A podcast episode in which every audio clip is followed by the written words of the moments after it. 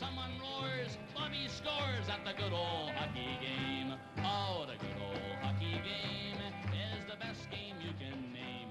And the best game you can name is the good old... Varmt välkomna tillbaka till Pop-Up-podden om Kalmar HC och idag har vi med oss huvudtränare Viktor Turala. Eh, varmt välkommen till podden. Ja, tack så mycket. Superkul att du eh, är med, verkligen.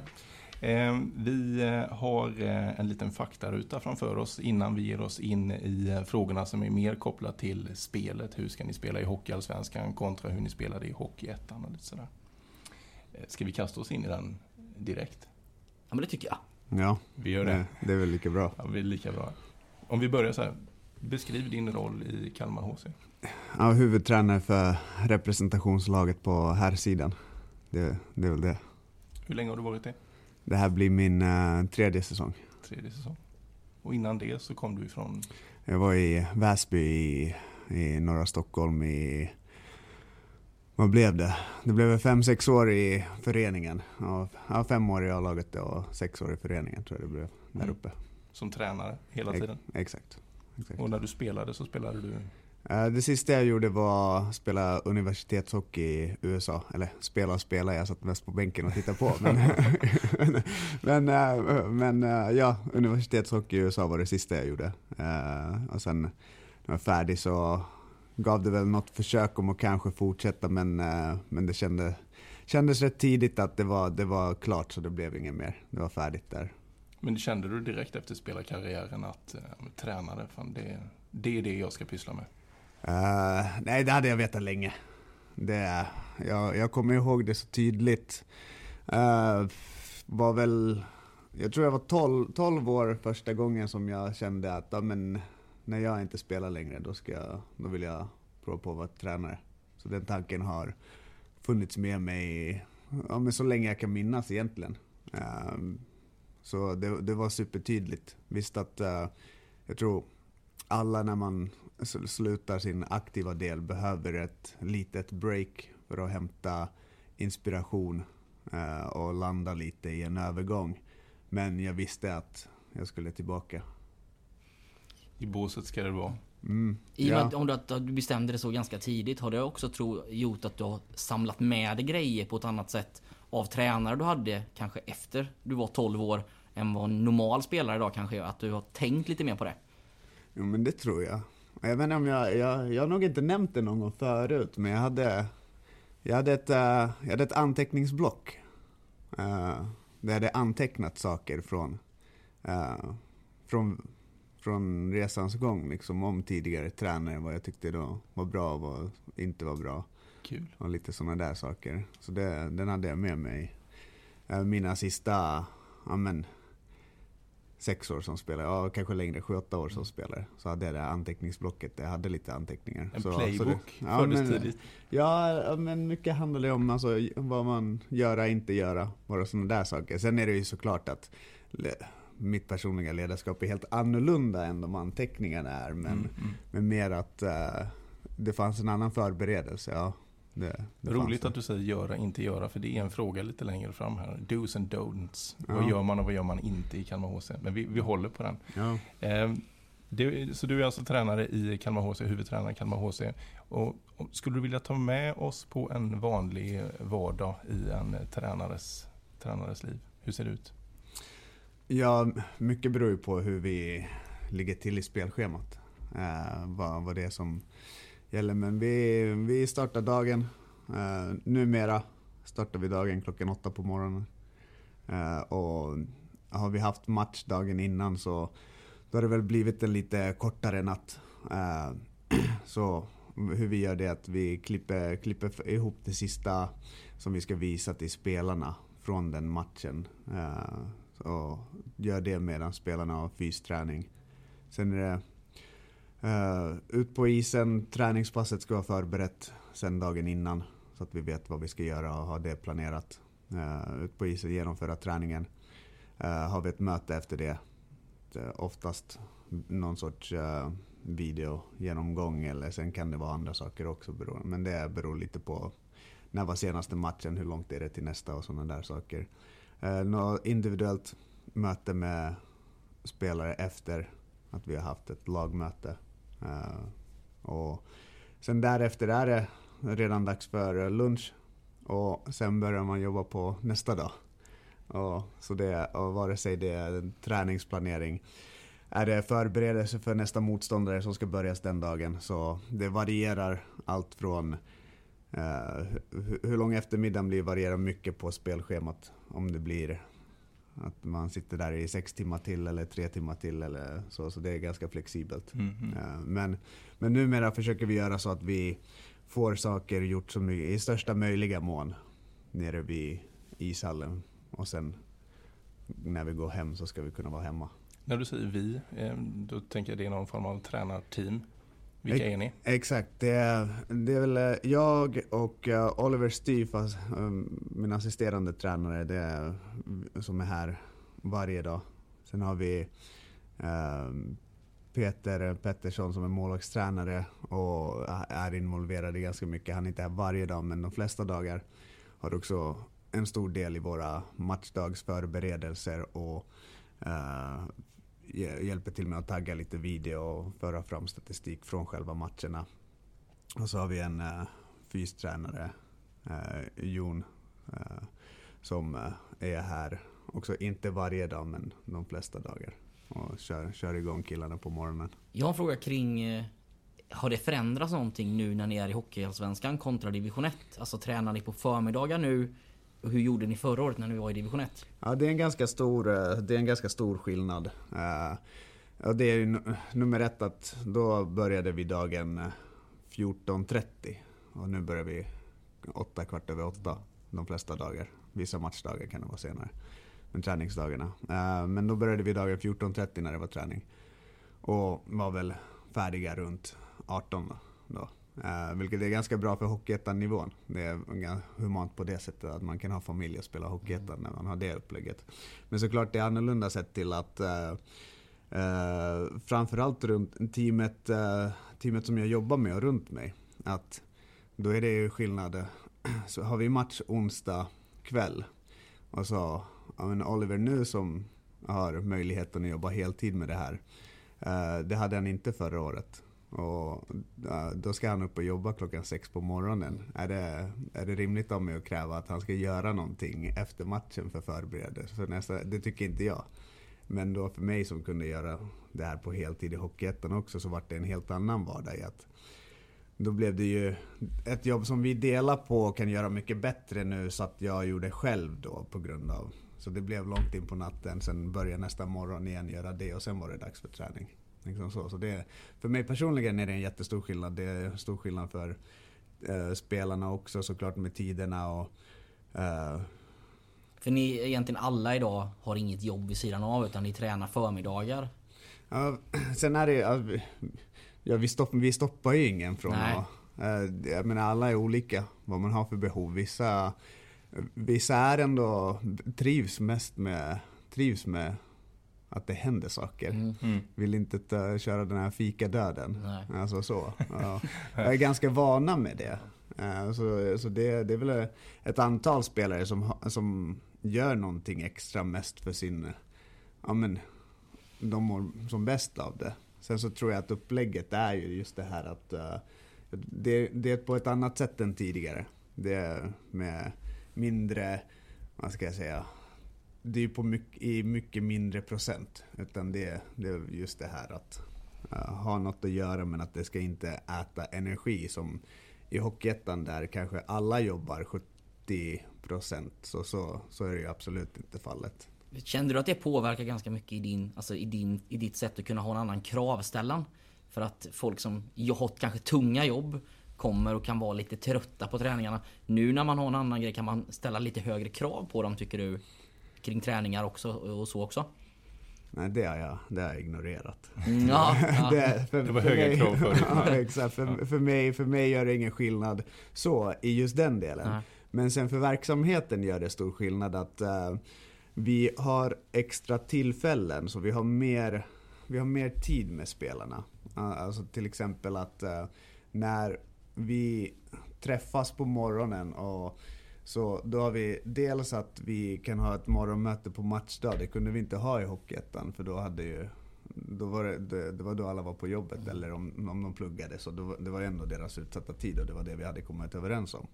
Eh, Men att vi har morgonmöten på matchdag eller isvärmningen, det öppnar ju inte bara upp det tillfället, men det påverkar också vad vi kan eller måste få gjort dagen innan. Att då kan vi göra andra saker kring den träningsdagen och lämna över saker till matchdagsmorgon. Så vi får ut mycket mer av varje träningsdag egentligen via det. Så jag tycker det är den största skillnaden, att vi får, vi får en mycket bättre verksamhet. Um, sen är det inte kanske i det som har med krav att göra, utan där, där har vi ja, men försökt göra saker så bra som möjligt hela tiden. Mm. Väldigt bra eh, beskrivning av hur en, eh, en vardag i en hockeytränares liv ser ut. Det är bra att jag kan göra det. ja, men det tror jag att många av våra lyssnare är intresserade av. Eh, jag också. Vill du beskriva ditt första minne från en match? Spelare eller åskådare? Vad var, det, vad var det du såg? Vad var det du gillade? Mitt första minne var... Alltså för mig är det ju så, jag... Uh, jag är ju född och uppvuxen i Stockholm.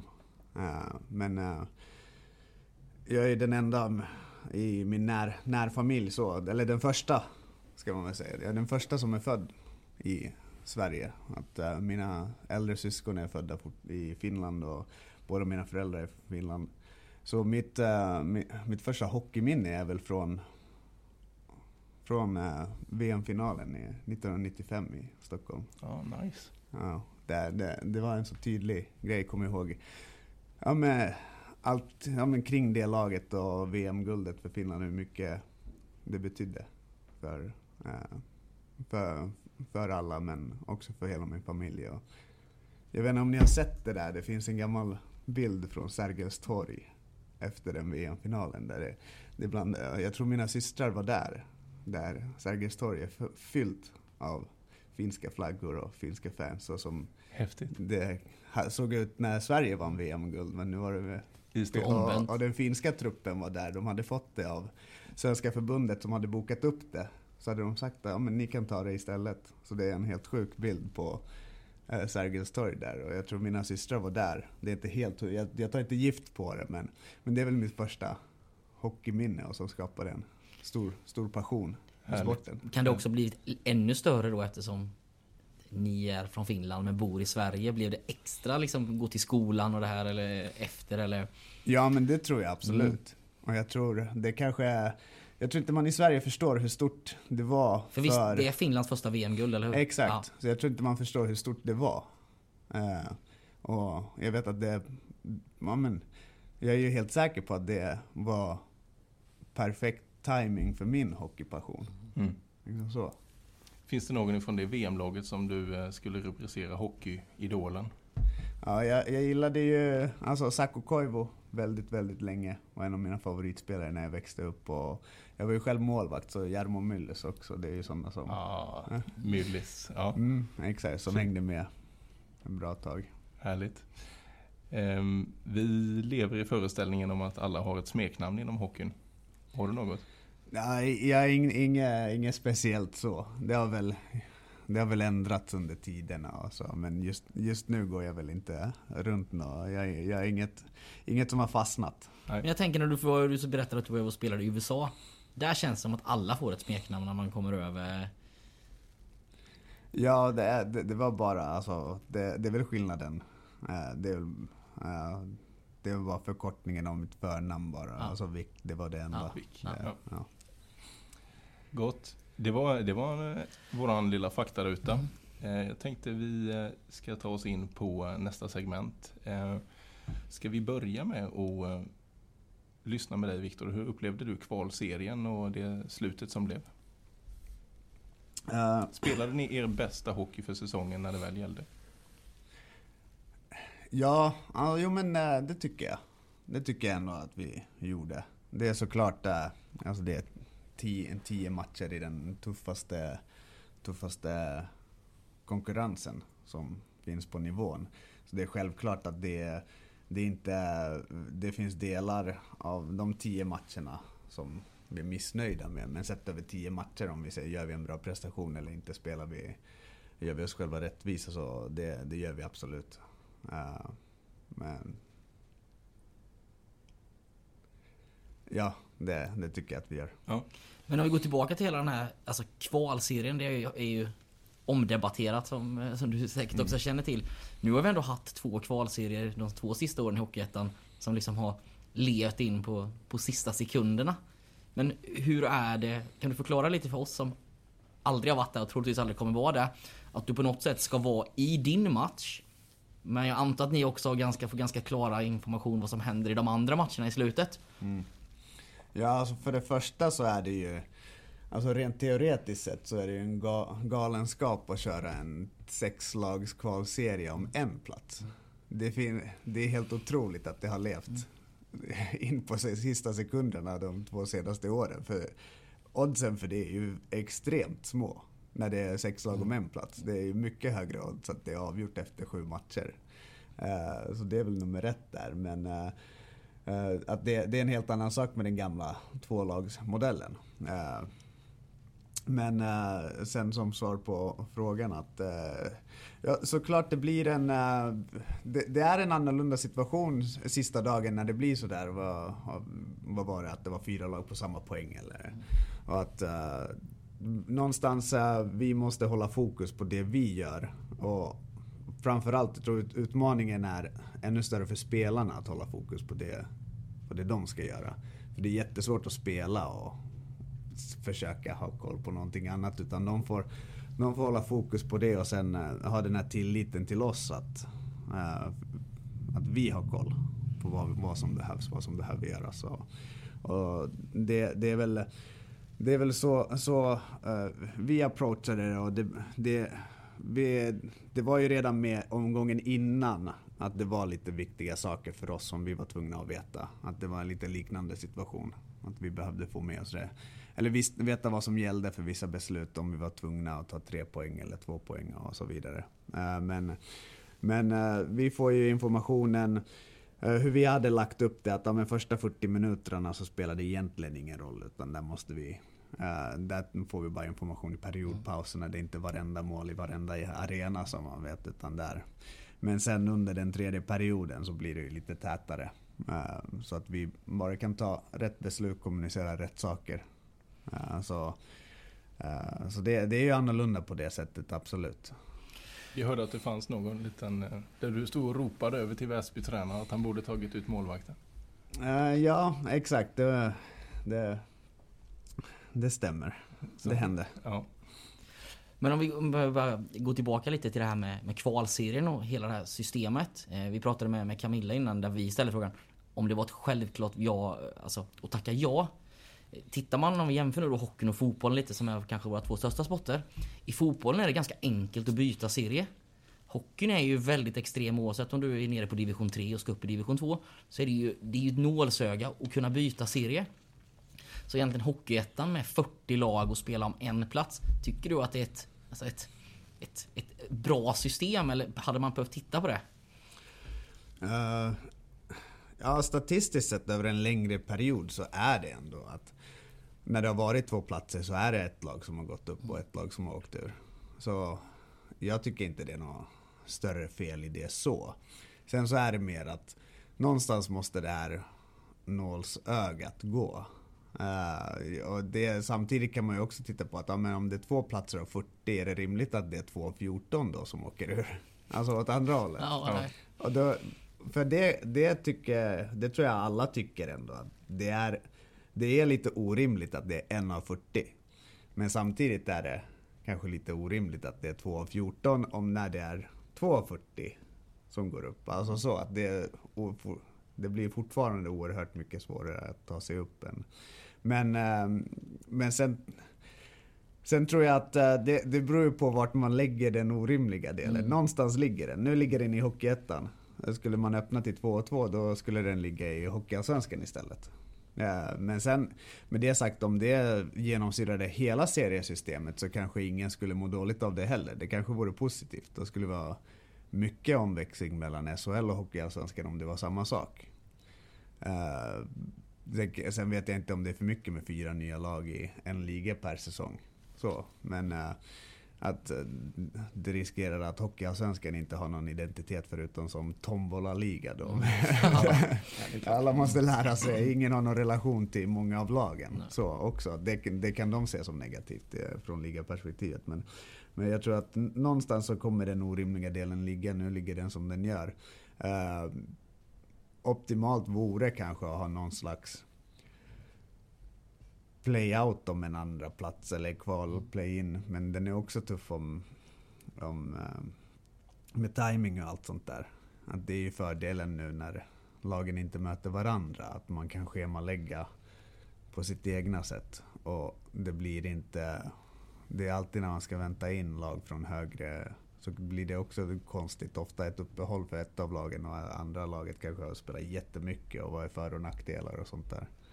Eh, så jag tycker hela seriemodellen, det är såklart en komplicerad fråga men i grunden så tror jag alla som har med svensk hockey att göra vet att det här med öppna serier är ju en stor del som skapar intresset och det är väl bara kolla på SHL som är väl den enda hockeyligan i världen där det är mer intressant vem som åker ja. ur än vem som vinner SM-guld. Det, det, är, ja, det är lite spännande. Jag har sett många intervjuer med spelare från eh, Nordamerika liksom, som mm. tycker det är helt sjukt att man, vi firade som, som om vi hade vunnit Stanley Cup för att vi kom precis över strecket. Ja. ja.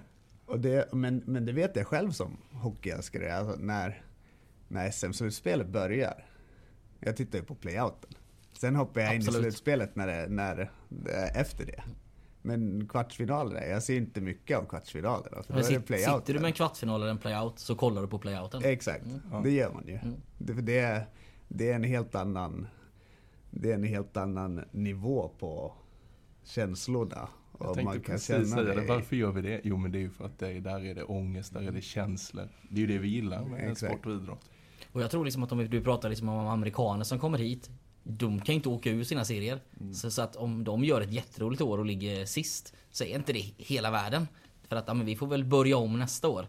Åker man ur en serie här eller så, så är det ju det blir helt andra förutsättningar.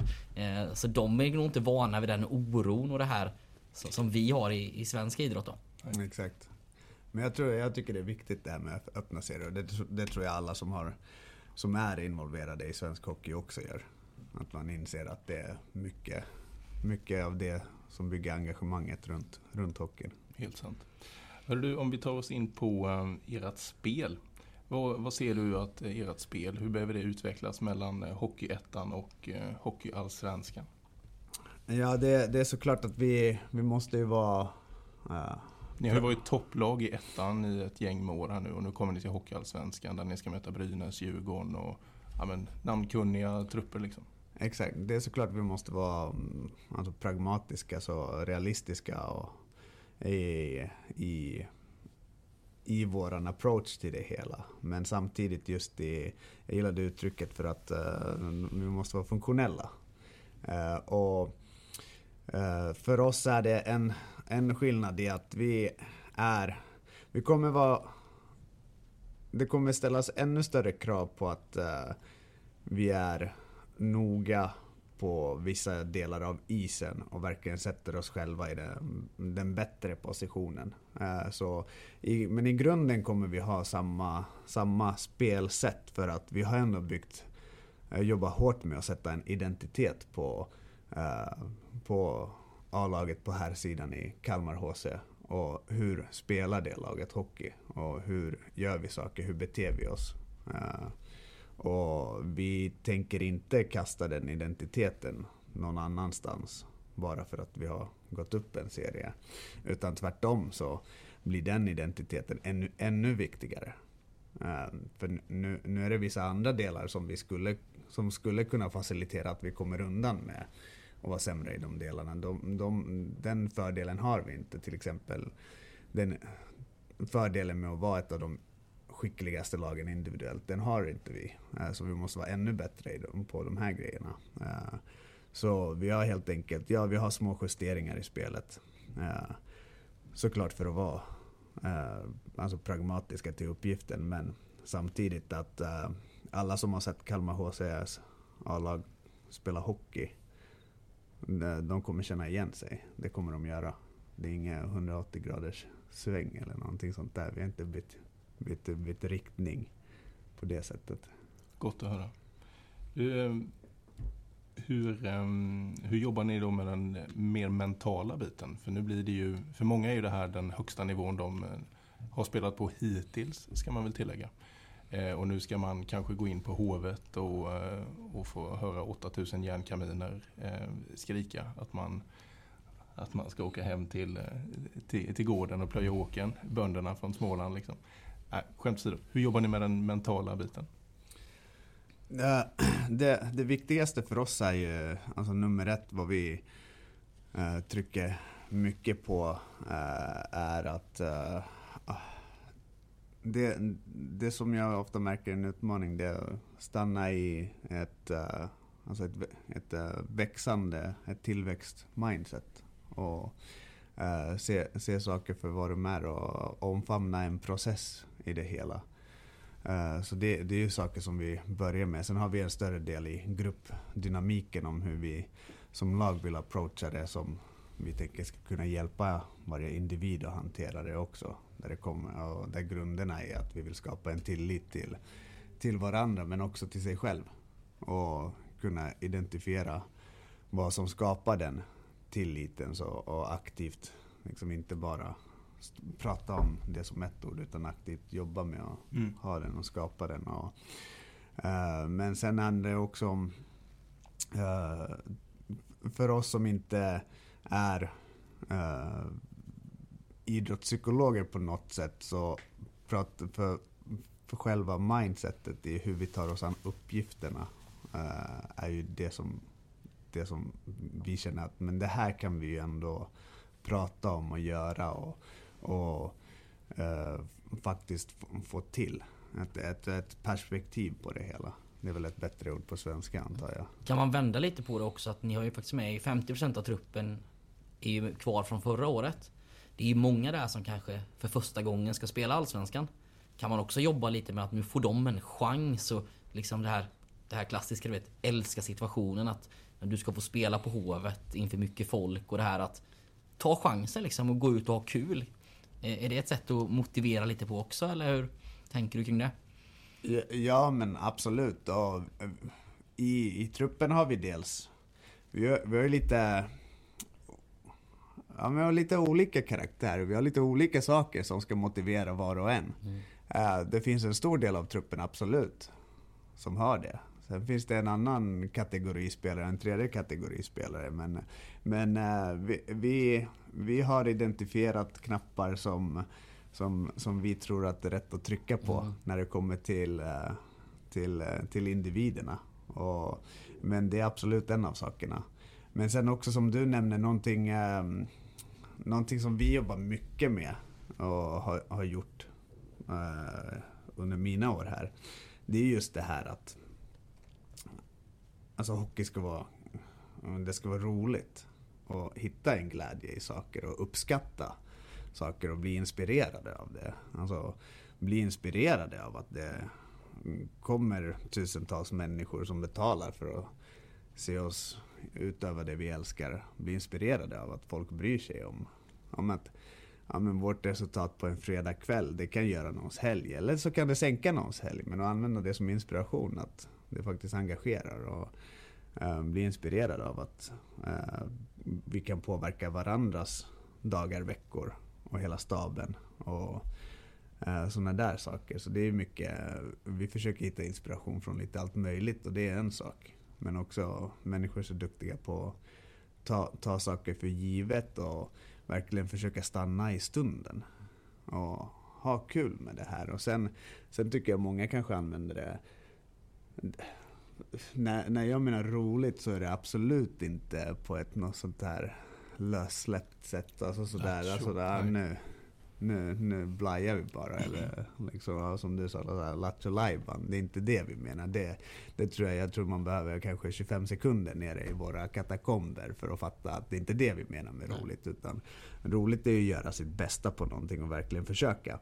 Men att leva i de här stunderna och inte ta dem för givet och hitta energi och inspiration. Det är någonting som vi, vi har försökt jobba med. Och vi har ju fått en ganska bra träning i många olika situationer. Alltså det, det, det är inte så att det kommer in, vi kommer inte ha några spelare på isen som aldrig har spelat inför en fullsatt hall förut eller någonting sånt där. Det, det har vi ändå. Så såklart det blir lite annorlunda. Men, men eh, jag tycker vi eh, har ändå en trupp som är förberedda på de, de delarna utanför. Och så är det ju. Ja, det är gott. Det är gott. Du, vi var inne, inne lite grann på det förut, här med vad gör vi och vad gör vi inte? Dos and don'ts i, i Kalmar HC. Finns det några tydliga sådana här markörer? I klubbemblemet står det ju glöd, hjärta, ansvar. Mm, det, ansvar ja. det talar ju väldigt mycket för Kalmar HC. Och hur återspeglas det liksom i vad gör ni, vad gör ni inte i, i laget? I våran verksamhet? Ja, nu jag... Jättefluffig fråga. Ja, det, det är väl lite vart... Uh, jag funderar på vart, liksom. vart, vill, vart, vart vill man ta den? Vad vill man prata om och vad vill man inte? Men uh, alltså för mig personligen, jag är ingen jättestor så här regelkille. Det är väl jag vet inte, jag själv har problem med att om jag får 27 i inten, så då vill man ju se vilka av de här 27 är det som verkligen är viktiga då. Ja.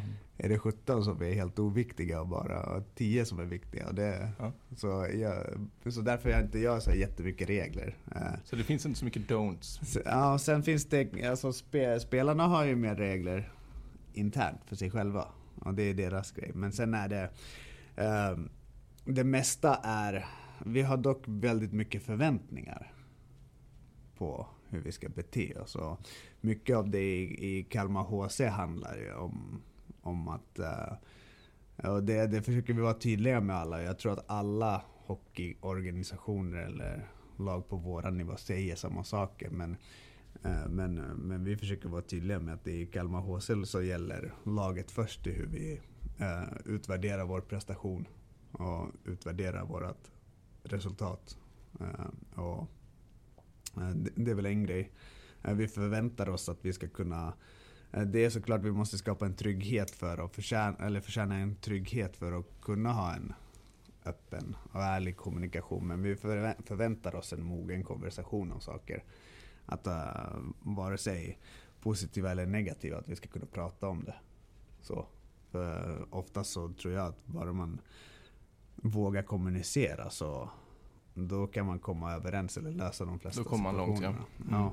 Det gäller nog i livet i stort och inte bara i hockey. Ja men exakt. Och det, det, det, det kan jag prata om länge men det, det är liksom...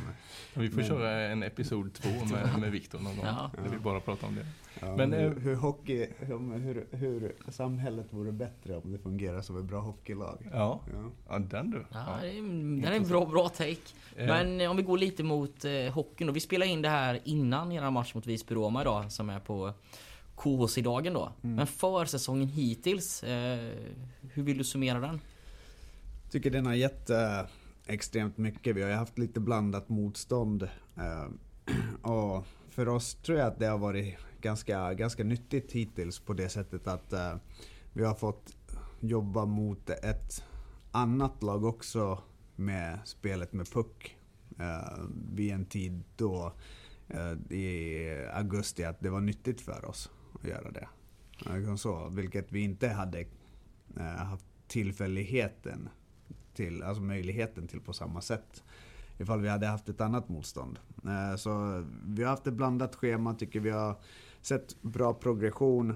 Och det handlar om, för spelarna som har varit här tidigare, om att hitta anpassningen. Vad behöver jag göra annorlunda på den här nivån? Vad behöver jag hur stor är min, min styrka? Det är fortfarande min styrka, men hur stor styrka? Och samma sak med svagheter, den, den anpassningen. Och för nya spelare eh, som, som numera är Kalmar HC-spelare men inte var det förra året. Så då, där är det alltid en väldigt stor anpassning. Alltså det, det, det är det. Det det är inte... Eh, det är inte så att vi, vi håller inte på med massa saker för att vara jätteannorlunda bara för att vara annorlunda. Men, men vi gör saker på ett annat sätt än vad man gör på många, om, delar, många andra delar av Hockey-Sverige. Om man tittar på träningsmatcherna då så har ni mött ska man säga, förväntade bottenlag i Hockeyallsvenskan och division 1-lag. Var det de tänkta träningsmatcherna även som ett division 1-lag? Eller kunde man där i, i juli när ni fick platsen även boka om? Jag tänker med träningsmatcher att det kanske... Det fanns säkert planerat sen innan. Eh, är det samma som var tänkt även då? Eller har ni gjort om det? Eller hade ni möjlighet att göra om det kanske är mer frågan? Jag tycker det, det var det mest sportgruppen som, som satt och gjorde. Men ja, den, den, den, är, den är renoverad. Ja. Exakt, det schemat är renoverat. Och för att göra det i juli så krävs det extremt mycket. Så sportgruppen och främst, eh, främst Mike Rodde tror jag satt på det och gjorde ett jättejobb med att få till, få till det schemat som vi nu har. Men ja, det såg väldigt annorlunda ut i det som original var bokat. Så Ja. därför är det, när det gäller kring vilka motstånd vi har från samma liga, så det är bara det, är det, det, är det vi kunde eh, liksom hitta. Det var det vi kunde komma överens med Ja. lag om. Så det, där finns det faktiskt ingen större Ja, för ni tanke. hamnar ju i en lite ja, svår eller utmanande situation när ni tar platsen i Hockeyallsvenskan så sent som ni ändå gör. Ja, det det just någonting- träningsmatcherna är det kanske svåraste att få till då. Ja, det det är ju ett tydligt exempel då, men finns det andra exempel på saker som ni hade gjort annorlunda om ni hade fått börja förbereda er fullt ut för Hockeyallsvenskan direkt efter kvalserien? Nej, men till, till slut är det väl inte alltså, så jättemycket så. Sen är det att vissa grejer hade legat tidigare. Så, så klart att eh, såklart att eh, mängden svenska spelare med hockeyallsvensk erfarenhet, det är väl där som det hade säkert kunnat se annorlunda ut. Mm. Eh, men men det, det är väl egentligen det som jag tänker på. Sen är det svårt att säga. Sen tror jag mer de andra sakerna handlar om timing. Att, eh, att vi, ja, men, även nu under hösten har ju till exempel signat, ja, men vi har väl signat två backar under den här försäsongen. Och det är väl någonting som vi annars hade förhoppningsvis gjort tidigare. Då. Ja. Liksom så, så det är mer än kanske en timing eh, av saker, mer än att det skulle se helt, helt annorlunda ut. Och samma sak när det gäller spelarna från, ehm, från eh, som, som får möjligheten att göra sina första hockeyallsvenska säsonger. Att där tror jag inte heller det hade sett så annorlunda ut egentligen. Men det, men det, så på det stora hela inte jättemycket, det tror jag inte. Då- Ni har ju spelat ett gäng med, med matcher hittills eh, i år. Vilken är den matchen där du tycker att vad fan, det här såg bra ut, det är så här vi ska se ut? Och vad var det du såg då? Nej men hittills så är det väl vår senaste match mot, eh, mot Västervik som är vår bästa insats. Så är det ju ändå. Där, där spelar vi ändå en hockey på över en längre tid som ser ut som, som en Kalmar HC-hockey. Sen har vi perioder som inte är där, där vi vill vara. Men det är också naturligt på Är försäsongen. det då ni blir är lite hårt straffade? Ja, exakt. Och det blir, men det är försäsong att det blir lite mer berg och dalbana. Men, men om vi ser till de positiva delarna så har vi långt mycket mer att ta med oss från den matchen än från de andra matcherna. Ja, ja. Ja, det är intressant att höra, för jag menar, bara, om man bara tittar på resultat så var ju inte det den bästa matchen. Exakt. Men, men jag det, försökte ju titta på den lite på en ganska dålig, dålig streamsändning. Den kanske inte var Mm. den optimala. Men jag tycker ju att resultatet inte riktigt speglar matchbilden. Nej, exakt. Och det är väl därför vi kan alltså, tycka att det är en bra insats Mm. från våra Det var från våra KHC håll. Hockey då. Vad såg du då Mackan i KHC-hockeyn? Ja, men alltså, jag tyckte det var fart och fläkt och sen tycker jag att ni har eh, en, en intressant del att ni har en förmåga att skapa frilägen. Det kändes som att ni hade eh, tre, fyra frilägen här och sätter man två av dem så är det ju en helt annan match också. Eh, Men framförallt tyckte jag ni skapade mycket målchanser, vilket jag tyckte var det som jag egentligen tog med mig då. Gött, hör ni det? Kalmar-publiken. Mm. Kom till Hatstore så får ni se mål och målchanser. Ja, exakt. Framåt hoppas jag. Framåt, ja, framåtlutad hockey. Gött. Ehm, är, det, är det fair och rätt att säga att um, Hockeyallsvenskan är kanske lite uppdelad och eh, lag som Almtuna, Västervik, Tingsryd är gissningsvis era, era bottenkonkurrenter tillsammans med Nybro och att det är nyckelmatcher? Eh, ja, ligan är, ligan är uppdelad. Så har det, det har ju gått från att vara Sveriges, för tio år sedan, Sveriges jämnaste liga. Det var helt absurt hur Mm. jämnt det var. Nu är det kanske SHL som är Alltså, eller, eller Sveriges, världens jämnaste liga nästan, Hockeyallsvenskan för tio år sedan. Nu är det kanske SHL som är världens jämnaste liga på det sättet istället.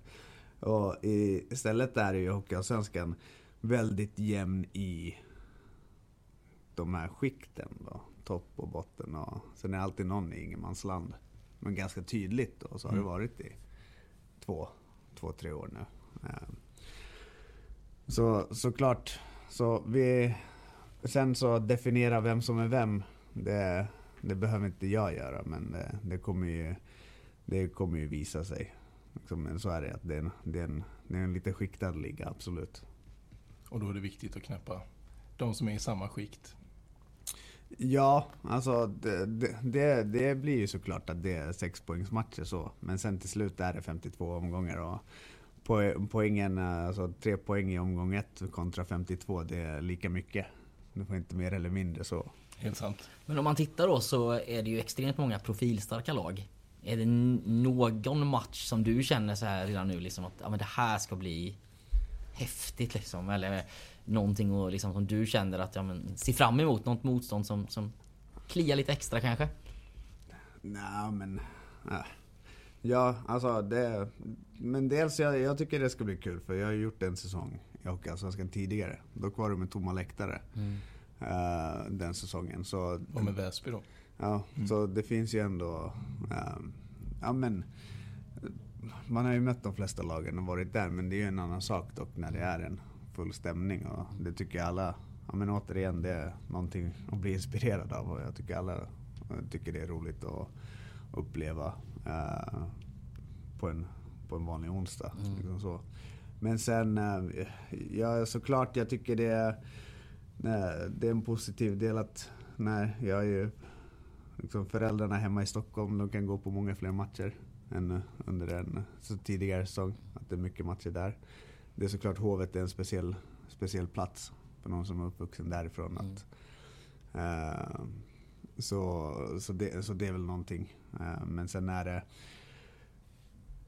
ja, svårt att inte nämna eh, våra derbyn också. Att, eh, det betyder mycket för alla som bryr sig om Ka- Kalmar HC och för alla som har varit in- inblandade i, involverade i hockeyn här. Att det såklart det betyder extra.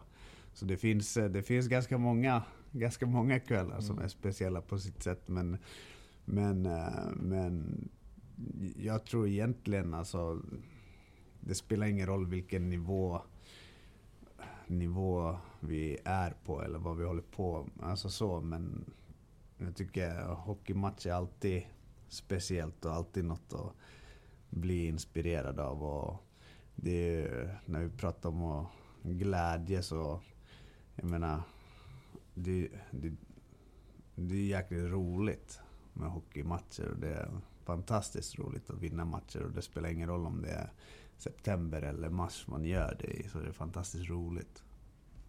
Precis. Ja, nej, jag, har ju, jag har ju varit tränare fast på division 4 nivå så att jag, jag skriver under på det att eh, jag brukar säga det att känslan under en matchdag och när man vinner matchen.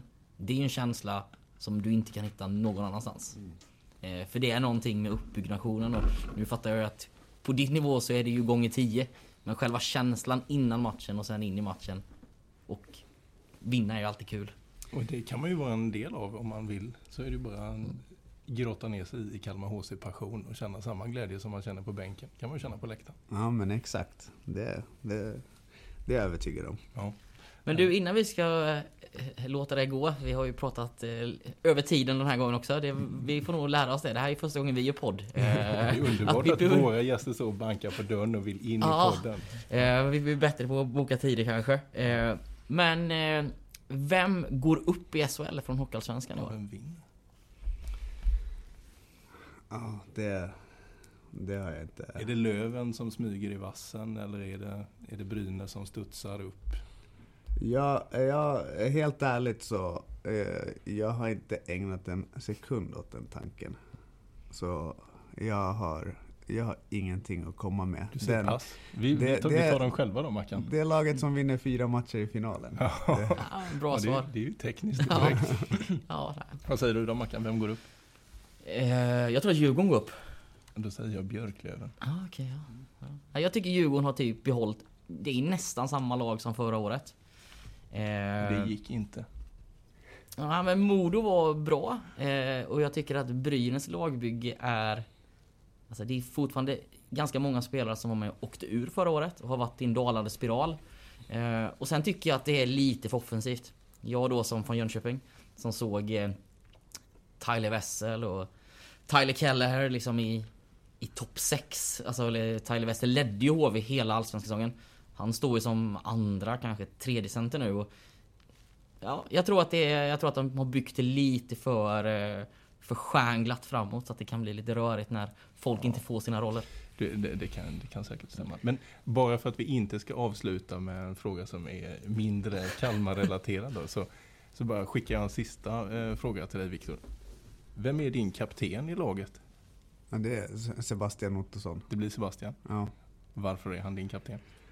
Ja, Det, är ett- det är ett sj- självklart val. Eh, nummer ett så är det att eh, gruppen har fullt förtroende för Sebastian. Och det är väl, det är väl någonstans därifrån det börjar. att uh, spela, ingen, spela, spela inte så stor roll för eh, liksom vem, vem jag tycker är enklast eller skönast att surra med. Det spelar inte så stor roll. Utan eh, när det gäller kapten så nummer ett att det är förankrat i gruppen.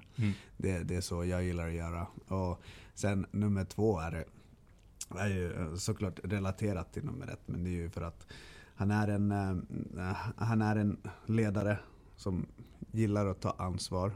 Eh, har liksom huvudet på skaft. Eh, såklart att eh, det är positivt att han är lite äldre på det sättet att eh, ändå är en, är en vuxen man på riktigt och Mm, inte är en vuxen man på riktigt som, som ändå har, har fått med sig livserfarenheter både från hockeyn och Han får inte utanför. matlådor av mamma. Han, Exakt, Nej. och, och även varit i klubben en längre tid. Så han står för ex, extremt mycket alltså, av isen med sitt sätt att vara.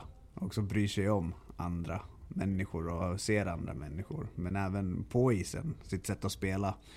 Går in stenhårt i duellerna, försvarar stenhårt men också är med och anfaller stenhårt. Och det är väl, han, är, han är en riktig Kalmar HC-back, Sebastian, så det passar bra. Gött. Honom måste vi ju träffa. Ja, vi jobbar på det. Så vi får se om han eh, hinner förbi efter matchen idag. Det hoppas vi verkligen. Du Viktor, eh, stort, stort, stort tack för att du har tagit dig tid att vara med på, eh, på den här intervjun i Pop-Up-podden om Kalmar HC. Ja, tack så mycket, tack för att jag fick vara med. Och stort kom- lycka till i vinter. Ja, stort, tack. stort lycka till. Vi Tack. kommer att eh, förhoppningsvis träffa dig flera gånger här i Hatstore under vintern. Ja, det ser jag fram emot. Det låter kul. Gött. Tack. Lycka till idag. Lycka till. The